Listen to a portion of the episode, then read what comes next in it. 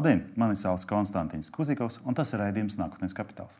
Kopā ar mani šodien studijā Raivis Vilnis. Sveiks! Sveiki. Pirms uh, dažiem mēnešiem Raivis piebiedrojas pie šī raidījuma, un viena no lietām, par kurām mēs ar viņu runājam, ka viņš izvēlēsies ļoti interesantas, agresīvas un no otras puses daudz ienesīgākas instrumentus. Par tādiem instrumentiem Rāvis pasadrusni vēlāk, bet šodien raidījums būs īpašs ar to, ka mēs paskatīsimies, kā divu mēnešu laikā gāja ar mūsu portfeliem.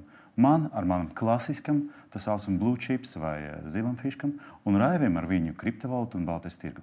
Tā kā vārds ir tevis, Rāvis, un pastāsti, vai tev izdevās nopelnīt vairāk nekā man? Nu, Jā, šobrīd uh, sākums ir bijis veiksmīgs, bet uh, un neveiksmīgs vienlaikus. Uh, nu, mums, protams, ir jāņem vērā konteksts, kas uh, ģeopolitiskais konteksts, karš Ukrainā, kas ir ievērojami mūs visus ietekmēs, arī jebkuru finanšu instrumentu un tā tālāk. Bet nu, es vēlāk mazliet par to pastāstīšu. Un arī tu runāsi vairāk savu akciju kontekstā, kā globālais tirgus ietekmē. Bet skatītājiem ātri atgādināšu, ka tātad uh, mans. Uh, riskantākais un alternatīvais portfelis sastāvēs beigās, kad tas tiks izveidots no četriem lieliem blokiem - kriptovalūtas, Baltijas akciju tirgus, kopfinansējuma aizdevuma nekustamā īpašumā un kopfinansējuma aizdevuma dažādos uh, virzienos. Un tad uh, šobrīd manā portfelī ir uh, divi no šiem jau iegādāti, un uh, nākamajos raidījumos, ejot uz priekšu, portfelis tiks pabeigts. Uh, tā tad. Uh, Šeit ir grafika par uh, to sākotnējo plānu, ko mēs pirmajā raidījumā apspriedām. Attiecīgi, 36,000 bija tas, ko tu, Konstantīna, plāno pēc desmit gadiem būt ieguvis, uh, investējot pakāpeniski drošajās, stabilajās akcijās. Un savukārt es uh, raidījumā sākot, veicot sākotnēju izpēti, plānoju apmēram 12% pieaugumu, tātad nedaudz vairāk, tātad apmēram 42,000. Šeit mēs varam redzēt, ka kas šobrīd ir investēts no manas puses. Tātad ir 563 eiro, kapitāla vērtība ir 579 un ir neliels ienesīgums par to, kas man to ienesīgumu radīja un kas man ir arī radījis zaudējumus, tūlīt arī tālāk. Šeit var redzēt manu akciju sarakstu, tās, kas ir Baltijas akcijas, kas ir iegādātas. Un, nu, mēs varam redzēt, ka es pakāpeniski veidoju savu portfeli. Var redzēt, tā, ka dažas akcijas vēl ir iegādes procesā, kas ir viena no Baltijas tirgus īpatnībām, ir tas, ka kaut ko tu iespējams iekāro, bet tu uzreiz viņu nevari dabūt. Paiet uh, zināms laiks, ilgāks laiks nekā, uh, ja salīdzina iegādājoties starptautiskās akcijas, un tad uh, dažkārt ir kaut kas iegādes procesā. Tā, bet nu, šeit var redzēt, kā veidojas. Uh, šeit arī var redzēt uh, peļņu un zaudējumus. Un, nu, tālāk es arī mazliet viņa. Nu, izskatās tā, ka tev tikai zaudējumi. Tā kā no mana portfeļa netik tālu aizies. Jo tu investē Baltijas tirgu tikai pusotru mēnesi aptuveni, mm. tev jau minus 5%. Tā kā mans, manas investīcijas ir garāka perioda, bet okay, arī procents ir, ir, ir daudz lielāks zaudējums. Bet faktiski ļoti tuvu tendenci tam, kā arī man. Mēs ar, ar parastām akcijām, ar klasiskām, klasiskām akcijām ejam mīnusā, diemžēl. Īpaši tagad, sakarā ar pēdējo situāciju ar, ar Krieviju un Ukrainu. Nu, labi, bet vai ir kaut kādas labas ziņas? Nu, labas, viens no tām labajām ziņām ir, ka nu, Tallink ir pieaugums. Tas, to es skaidroju ar nesen notikušo uzņēmumu vadības webināru, kur tika izstāstīts gan, kas līdz šim ir noticis un kādi ir 2022. gada plāni. Jāmin gan, ka šis, gan šis webinārs, gan vispārējais notika pirms uh, 23. februāra. Tas bija 22. februārī. Mēs zinām, ka 23. februāris uh, ir ienesis šausminošas izmaiņas um, visā Eiropas plānos, bet nu, tas ir tā vienīgā tā akcija, kura ir šobrīd uh, plusos. Bet jāmin, ka līdz šim vairākas akcijas bija performējušas labi. Visvairāk man lielākais prieks bija par SAF tehniku, kura līdz šim auga. Nu, diemžēl tagad uh, viss Vai ir kritis. Rezultāti bija tam labi. Jā, jā, jā. Un, uh, un kopumā man. Uh, Tā izvērtējot, kas līdz šim ir noticis, manas lielākie zaudējumus portfelī līdz šim nes enerģētikas sektors, tātad šauļi un ignitis, un ba, ne, Enefit Green un Ignitis un bankas, Šauļa banka un Kūpa banka. Tas ir ļoti interesanti, tāpēc ka īstenībā rudenī, kad es skatījos dažādu banku ekspertu viedokli, ka tieši tad, kad būs augsta inflācija, ir jāinvestē enerģētika un bankas. Jo šo arī stāsta par to, ka visas centrālās bankas pacels banku likmes, kredītlikmes, tad attiecīgi bankas pelnīs vairāk.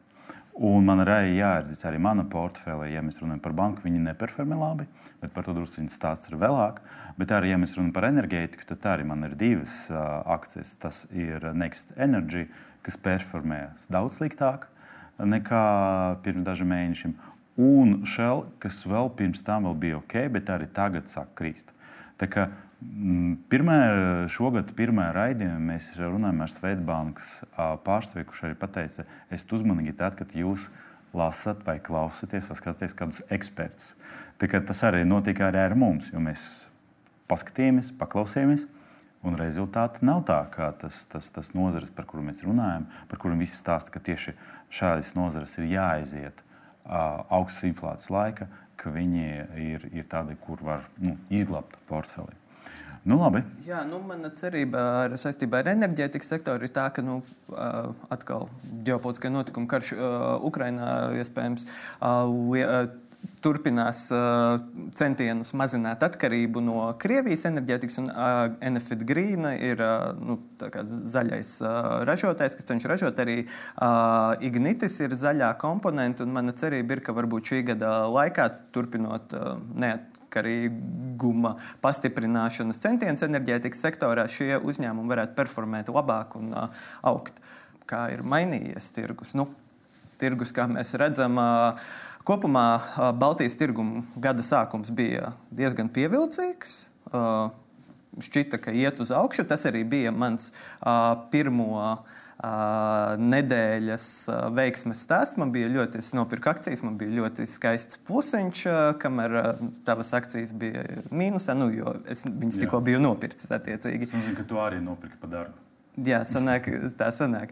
Uh, nu, lūk, un, uh, tad, nu, protams, ir pakāpenisks uh, kāpums uz leju, un, uh, nu, ko mēs uh, redzējām uh, ceturtdien, un tendence turpinās arī piekdien, ir uh, nu, lielāks kritums. Uh, Šeit mēs varam redzēt, kā pirms divām nedēļām bija plusos, bija vairāki uzņēmumi, kas performē ļoti labi. Un, Tad eh, šonadēļ jau, kā mēs iepriekšējā bildītē redzējām, viss aizgāja mīnusos. Vienīgi Taulings bija vēl pēdējais, kas turējās. Bet vai tas uh, atspoguļosies arī nākamnedēļ? Šobrīd es domāju, ka nākamnedēļ šī bilance būtu viss būtu sarkanā. Nu jā, mēs, mēs tagad runājam par periodu, kad īstenībā karš tikai sācies, un mēs tikai pāris dienas pagājām. Jā, mēs nevaram paredzēt, godīgi sakot, kā viss attīstīsies un tā tālāk.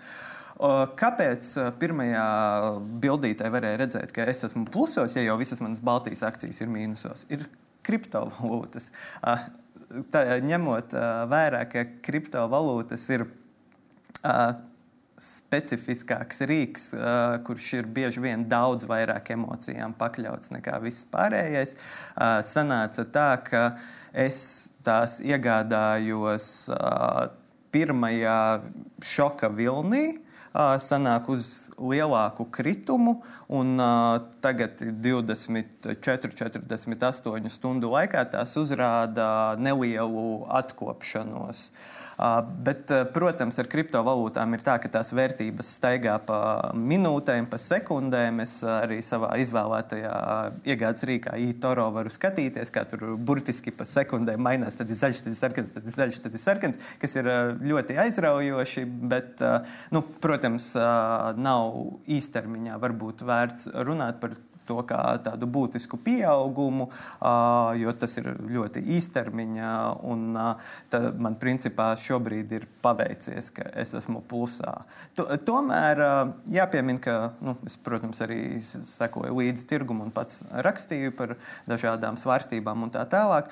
Šķiet, ka kriptovalūtas pārvarēja to pirmo šoku ģeopolitisko, un tad tās mazliet sāka atkopties. Iespējams, dažiem investoriem atceroties nu, to kriptovalūtu sākotnējo misiju ka tās būs atdalītākas, mazliet uh, tālāk prom no tradicionālās finanšu sistēmas, attiecīgi mazāk uh, pakļautas ģeopolitiskiem notikumiem, kas, protams, īsti jau vairs nestrādā, tāpēc ka bitkoins tiek mainīts pret īstās pasaules labumiem, un uh, attiecīgi arī tas ir tieši tikpat pakļauts visam pārējiem. Bet nu, mēs redzam, ka ir zināma neliela atkopšanās, un principā tā tendence varētu iet uz augšu. Bet, nu, protams, grūti paredzēt tieši tāpat kā. Bet, mēs ar tevi runājam par to, ka Krievija sākumā bija ziņas par to, ka viņi gribēja ierobežot kriptovalūtu tirgošanu. Pēc tam attiecīgi viņi teica, ka ne, viņi to regulēs. Bet fakts ir sekojošs, ka tad, kad sākas visas šīs sarunas, tad uh, bija konstatēts, ka īstenībā Krievija ir viens no lielākajiem kriptovalūtas tirgiem. Un, uh, es nezinu, vai tas bija trešā vai ceturtā vieta pēc Amerikas uh, un, un Eiropas. Un tas arī ir liels jautājums, kā tas viss ietekmēs tagad. Jo noteikti, ka tuvākā laika būs dažādas ekonomiskas problēmas Krievijas federācijā ar visiem sankcijām, kas ietekmēs uz to visu. Un tāpēc, vai cilvēki tur pirks vai pārus, vai viņi ražos to kriptovalūtu, tas būs liels jautājums. Un vēl es arī nesen redzēju rakstus, ka bitkoins turpinās krist, nevis, nevis pacelsies. Jo principā situācija nav stabila un nav skaidrs, kas ar to viss notiks. Vai tu domā par to, kā desmit gadu griezumā tas viss aizies uz augšu? Nu, ah, tādas ir. Uh tāda ir kopējā tendence. Nu, ja mēs paskatāmies uz uh, kriptovalūtu vēsturisko pieaugumu, kas arī, ja mēs runājam desmit gadu tendencē, tad absolūti uz uh, cipariņiem, e-toro vai jebkurā citā lietotnē, kas mainās pa sekundēm, nav vērts skatīties. Tas šī principā ir uh, informācija, kas ir izmantojama spekulācijas nolūkiem, proti, pērc uz kritumu, pārdod uz pieaugumu un tā, un tā turpināt. Bet, ja mēs runājam, skatāmies desmit gadu izaugsmē, tad jā, pagaidām šobrīd. Uh, Nav, tāda, nav tādu liecību, un arī visiem ekspertiem uh, viedoklis ir tāds, ka tendence turpināsies. Tā, protams, nebūs tik strauja uh, kā tā bija iepriekš. Nu, tāpēc, ka, ja mēs paskatāmies desmit gadu griezumā, tad tur pirms kādiem pieciem, sešiem gadiem tas uh, īpaši bitkoina lidojums bija kosmisks, nu, ko jā. finanšu tirgos vispār nu, nevar, jā, nevar pieredzēt. Tā tālāk, bet kopumā tā izaugsme turpināsies, tāpēc ka digitālā telpa turpina attīstīties, arvien vairāk pirkumi, maksājumi notiek saistībā ar šo valūtu. Un, jā, desmit gadu griezumā tam vajadzētu nedaudz stabilizēties. Es uh, domāju, ka tas vidējais pieaugums arī varētu būt apmēram nu, uh, 12% apmērā, vai, vai varbūt drusku mazāk. Jo tieši tagad, arī šo, šodien, burtiski no rīta, Bloombergā lasīju vairāk analītiķu teikto, to, ka uh, bitkoins un arī citas kriptovalūtas arvien vairāk pielīdzinās tiem klasiskiem finanšu rīkiem, nu, kas nozīmē, ka arī uh, izaugs izaugsme būs salīdzinoši līdzīga, un arī tās pašas noteicošās tendences, nu, attiecīgi pasaulē. Pasaulē notiek karš, negatīvi notikumi, viss iet uz leju, ir pozitīva attīstība, tirzniecība, tad arī ir pieaugums, bet pieaugums būs mērens. Nu, kā, jā, es domāju, ka šobrīd ir ok. Plus, jā, runājot par bitkoinu, arī tas, ka nu, man ir Ethereum un Solana, kā divas alternatīvas, ir tās, kuras izbalansē nedaudz to, jo pagaidām viņām solās drusku lielāka izaugsme. Tālāk. Nu, paskatīsimies. Jā, un tad šeit ir par portfeļu sadalījumiem, lai skatītājiem atgādinātu. Tātad, Par nozarēm. Tātad, tas ir mans Baltijas portfeļu sadalījums, kur var redzēt telekomunikācijas, Eh, ir viens ETF. Man sākotnējais plāns atgādināšu, bija iegādāties divus ETFs, bet tas eh, neizdevās, tāpēc ka vienkārši nebija iespējams nopirkt. Viņu atkal viena no mazā tirgus uh, problēmām. Vai būs iespēja pārdot, kad tu Jā, lūk, tas ir nākamais, otrā mazā tirgus. Nu, lūk, tad, ceļojumi atpūta, patēriņa produkti, bankas un uh, enerģētika. Nu, jā, uh, tad, kā jau es minēju, enerģētika bankas ir tās, kuras kopumā ir performējušas uh, sliktāk. Nu, ceļojumi bija tie, kuri performēja labāk, arī tāpēc, ka pandēmija tiem bija nodarījusi krietni pāri. Tie kritumi bija astronomiski, bet uz leju, un tā izaugsme atkopšanās notika šī gada sākumā. Nu, redzēsim, protams, kā tas tālāk ietekmēs visu.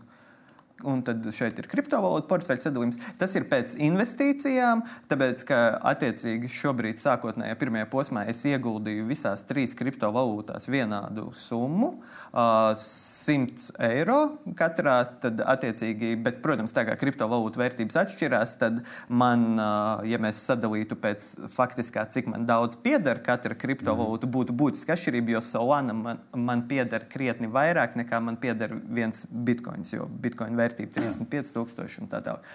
Un uh, tad. Uh, Šis ir šī brīža kopējā portfeļa sadalījums. Kriptovalūtās pēc investīciju apjoma kriptovalūtās ir investēts nedaudz vairāk, Baltijas tirgu ir nedaudz mazāk. To es plānoju arī pakāpeniski turpināt izlīdzināt. Un tad tālāk šim portfelim pievienosies kopfinansējumi. Un, uh, sezonai tuvojoties beigām, mums vajadzētu sanākt to, ka šis pīrāgs sagriezīsies nu, četrās apmēram līdzīgās daļās. Protams, izmaiņas var būt vienā vai otrā virzienā, cevišķi ar uh, kriptovalūtām, kuru vērtība var straujāk augt vai straujāk krist. Bet, nu, principā, šobrīd ir doma šo pīrāgu sadalīt četrās daļās, kas ir cerība varētu garantēt arī zināmu stabilitāti ilgtermiņā. Nu, ko, tas bija Raivija portfelis. Īstenībā viņam paveicies. Jo neskatoties to, ka ir pietiekami lielas problēmas, ģeopolitiskas problēmas, tad viņa portfeļs pat izauga. Pateicis kriptovalūtu. Bet kā veicas manam portfelim, ar manam klasiskiem akcijiem, par to pēc īsa brīža. Kā mēs tikko uzzinājām, Raiva portfelis izauga par 1,2%. Kas notika tad šajā gadījumā ar manām akcijiem? Par to mēs tūlīt paskatīsimies. Uz šo brīdi es investēju 1250 eiro, bet kapitāla vērtība ir mazāk nekā 1100. Tā kā faktiski man ir kritums 13,2%. Salīdzinājumā ar SP 500 reitingu mēs redzam, ka kritums ir pietiekami liels, bet tam ir viens pamatojums. Jo vakardienā es pārdevu vienas no bankas akcijiem. Tas bija Tinko bankas akcijas, jo bija skaidrs, ka tad, kad tirgus krīt, Un tad, kad ir tāda ģeopolitiska situācija, kā ir tagad, tad noteikti Krievijas uzņēmumi veiksies ļoti slikti.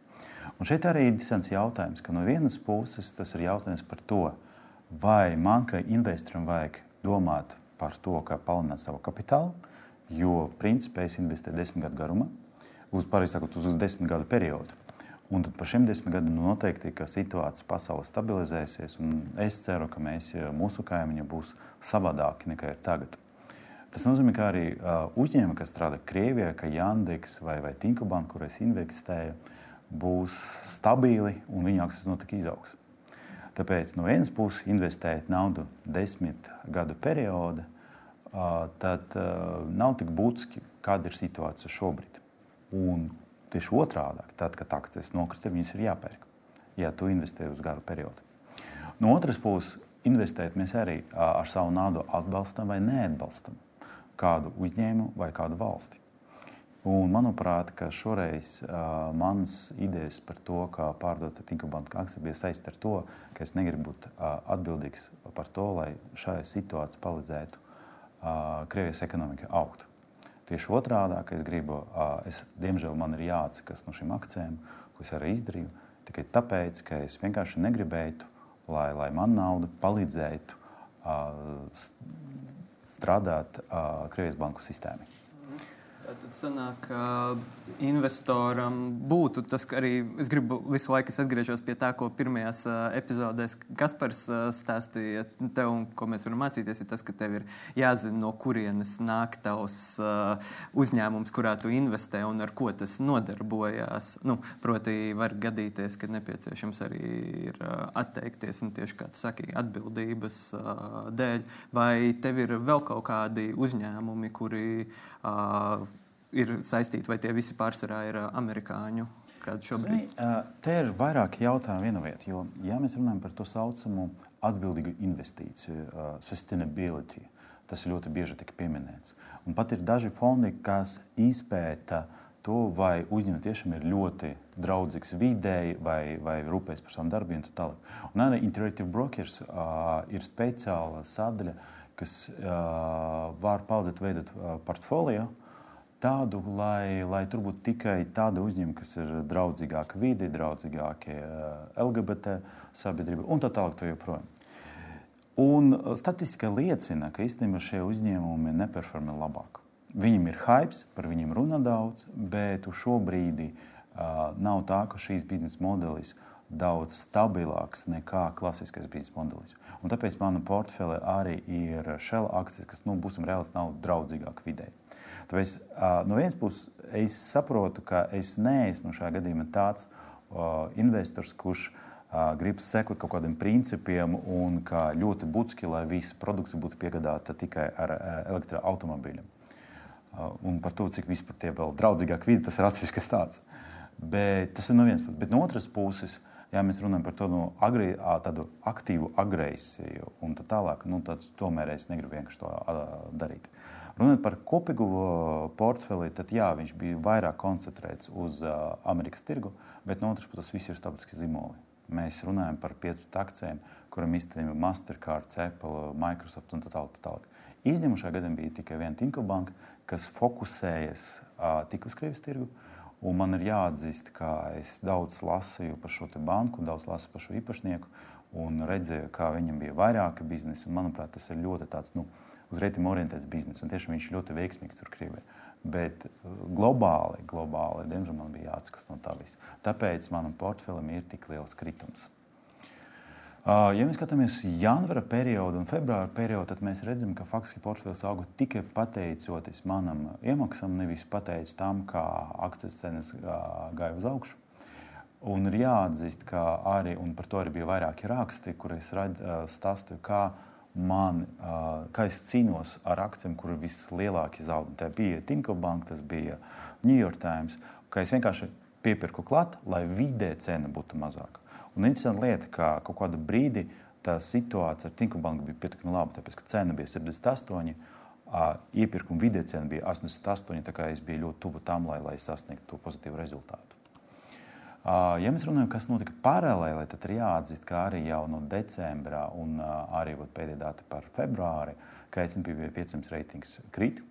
Tas gan saistīts ar to, ka ASV centrāla banka pacēla likmi, gan arī saistīts ar to, ka inflācija ir pietiekami augsta un daudzi investori migrē no tehnogigantiem uz, uz tā saucamiem commodity un klasiskām akcijām. Par to arī bija viens no mūsu raidījumiem, kad mēs runājam par uh, akcijām, kuriem orientēti uz izaugsmi, growth shares, un akcijām, kas ir tā saucamie value shares, kas orientēts uz, uz vērtību. Un te ir liste, un uh, jau palika tikai četras akcijas, kas ir pozitīvas. No otras puses, uh, man liekas, ka viszemākais posms bija sasniegts tieši uh, 24. Uh, datuma, 24. februārī, vēl pirms, uh, pirms bieža atvērs. Un, un plēni, bet, bet situācija uzlabojas. Ja mēs tagad skatāmies, ka no visām šīm akcijām tagad lielāka mīnus man ir New York Times un, un ETF. Par New York Times es jau rakstīju, ka es tik un tā turpinu piepirkt, lai samazinātu to video cenu. Bet interesanti lieta šeit par divām akcijām, kas ir šajā gadījumā BET. Tas ir viens no ETF, un otrs ir VUSA. VUSA tas ir ETF, kas atkārto uh, to 500 portfeliem, bet BET tas ir orientēts uz baterijām. Un abi divi ETF performē slikti. Neskatoties to, ka vēl novembrī tā bija viena no manām stratēģiem piepirkt ETF-us un, un, un tāda veida augt un palielināt savu ienesīgumu. Tikko nesen uzlasīju, ka tieši šajā periodā, kad tirgus iet uz leju, performēs uh, tas portfeļi labāki un te investori, kur izvēlēsies nevis kopīgu ETF, kas apkopo vairākus, vai simtus, vai desmitus, vai pat tūkstošus uh, uzņēmumu, bet kur būs tas saucamais cherry picking, kā izvēles par dažām akcijām, un tieši uz tām akcijām būs lielākais uzsvers. Tāpēc, manuprāt, tas ir pietiekami loģiska stratēģija, un es domāju, ka tuvākā laikā es arī ierobežošu ETF apjomu un padomāšu, kā es varu uh, darīt uh, savādāk. Ja mēs runājam globāli, tad nē, es neko šeit nemainīšu. Par Tinku banku es pastāstīju, un tad ir, ir rezultāts. Jo apakšā ir redzams to, ka kopīga investīcija bija aptuveni 170 eiro, un pārdeva es par nepilniem 30 eiro. Interesanti situācija bija vēl tāda, ka tad, kad es uzlieku to pārdošanu vakardienu, tad uh, oficiāla cena vēl bija 49. Bet es uzliku market price un momentāli pārdevu par 30. Un arī tagad, ja mēs redzēsim to 20, 50, tas arī nenozīmē, ka tā ir viņa vērtība. Cilvēki būs gatavi pārdot arī par zemāku cenu. Par pirkt par zemāku cenu. Un, un ja mēs skatāmies kopumā, tad no maniem zaudējumiem 140 veido tieši uh, viena akcija. Uh, iespējams, ka tas bija arī emocionāls pirkums. Tāpēc, tad, kad uh, mēs runājam ar Kasparu Pēcnieku par to, kā mēs veidojam portfeli, tad uh, bija tas, par ka man ir jāzina, jāzina tos uzņēmumus. Un es pēc tam pateicu, es, man ļoti patīk Tinkoff banka, un tā ir Krievija, un tā ir diversifikācija. Un es kļūdījos ar to visu. Un otra lieta, es ļoti labi, man liekas, saprotu mediju biznesu, tāpēc es York Times, kas ir otrais negatīvais rezultāts manam portfelim. Bet uh, globāli es domāju, ka es neko nemainīšu un turpināšu investēt. Tāpēc, ka es, kā es arī pateicu, es investēju uz garāku periodu. Un tagad ir tāds, ka akcijas atrodas ļoti zemu, tad es, tas, tas ir īstais moments pirkt. Jo ir divas stratēģijas. Jūs varat pirkt, tad, kad cenas iet uz augšu, tāpēc, ka jūs cerat uz to, ka rītdien būs vēl dārgāk. Un pārdot tajā brīdī, kad cenas iet uz leju, tāpēc, ka rītdien var būt vēl zemāk. Tā ir viena stratēģija. Es tomēr turos pie citas. Ja cena uz augšu, tad visticamāk brīdī viņi būs dārgāki, bet es nepērku. Es pērku tieši tajā brīdī, kad cena uz leju. Jo es investēju uz ļoti garu periodu, un es gribu sasniegt tas zemākas cenas. Un runājot par manu portfeli kopumā, tad uz šo brīdi situācija izskatās šādi. Lielākais šajā gadījumā portfeļa īpatsvars ir enerģētika, kur ir Shell un Next Energy. Bet vēl pirms es pārdevu Tinku bankas akcijas, tad lielākā daļa bija tieši bankas. Es vēl domāšu par to, ko darīt ar banku sektoru. Tāpēc, ka tur tikai viena banka, JP Morgan.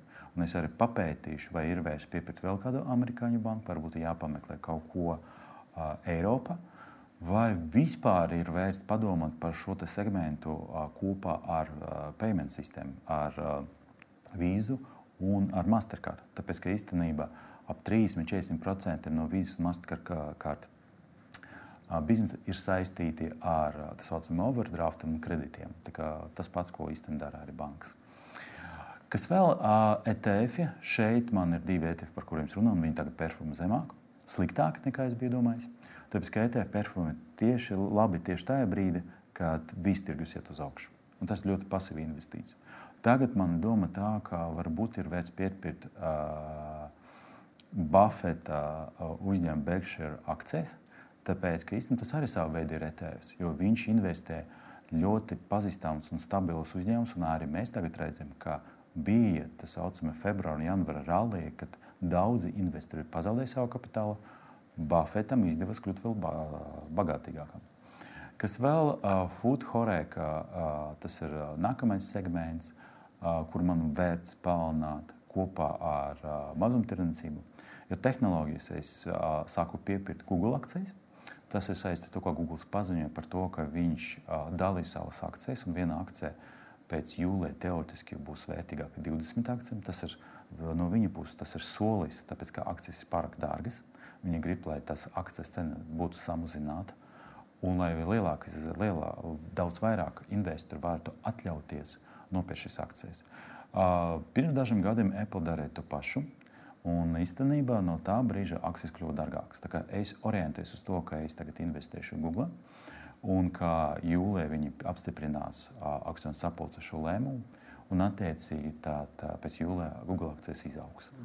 Man ir jautājums par uh, portfeļa diversifikāciju. Jo, nu, kā, kā tu pats teici, un iepriekš arī mēs redzējām, kamēr tev bija šīs uh, Tinkoff bankas akcijas, ka banka sektorā, kas sagādāja nu, tavam portfeļam lielākās galvas sāpes un lielākos uh, mīnus. Tad man jautājums ir, vai šis uh, portfeļa sadalījums pa sektoriem ir pietiekošs uh, pēc tavas pieredzes, vai varbūt būtu nepieciešams varbūt skatīties uz vēl vairākiem kādiem sektoriem, tīri vienkārši no tā, lai viena uzņēmuma neveiksmes nenorautu visu portfeli uz leju tik ļoti, kā tas tev ir gadījies iepriekšējos mēnešos. Kā tev šķiet? Tu zini, šeit ir ļoti interesanta lieta, ļoti interesants jautājums, ka tāds.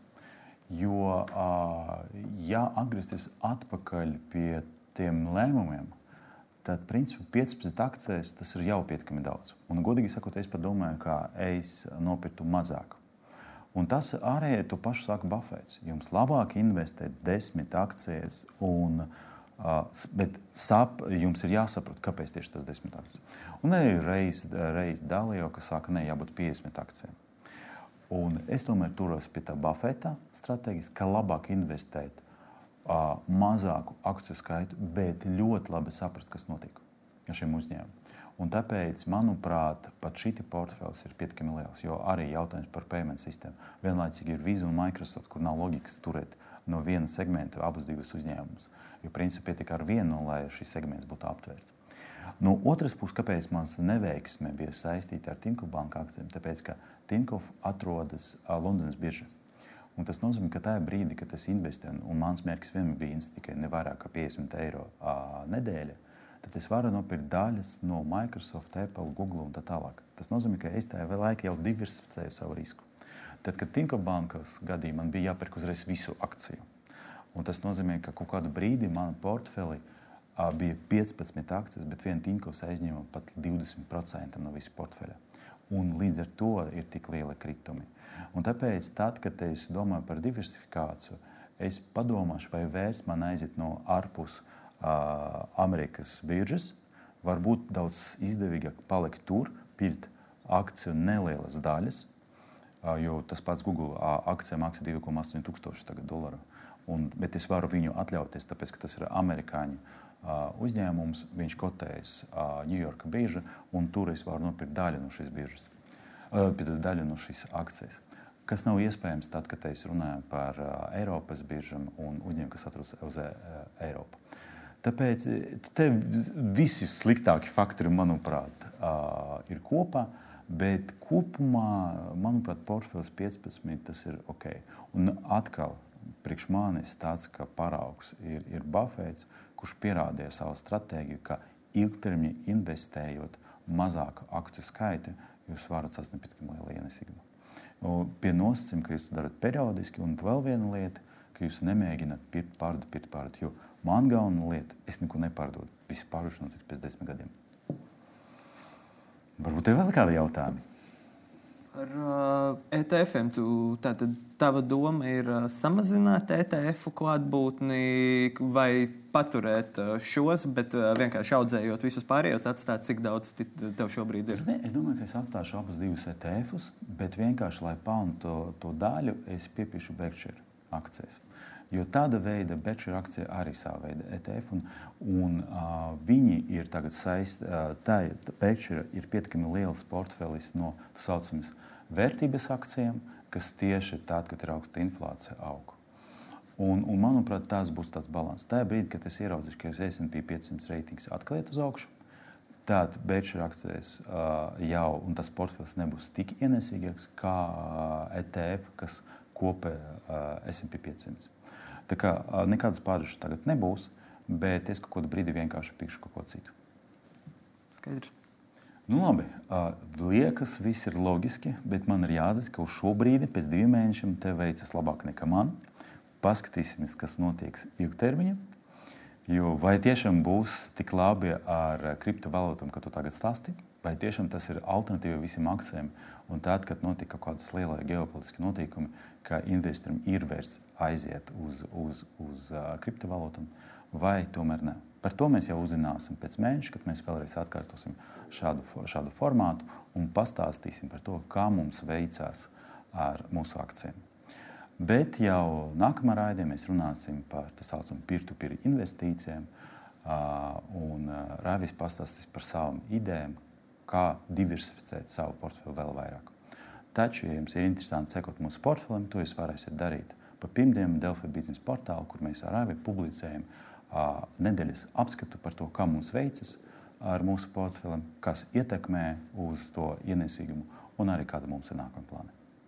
Nu, ko, tas bija raidījums Nākotnes kapitāls. Tiekamies pēc nedēļas. Paldies!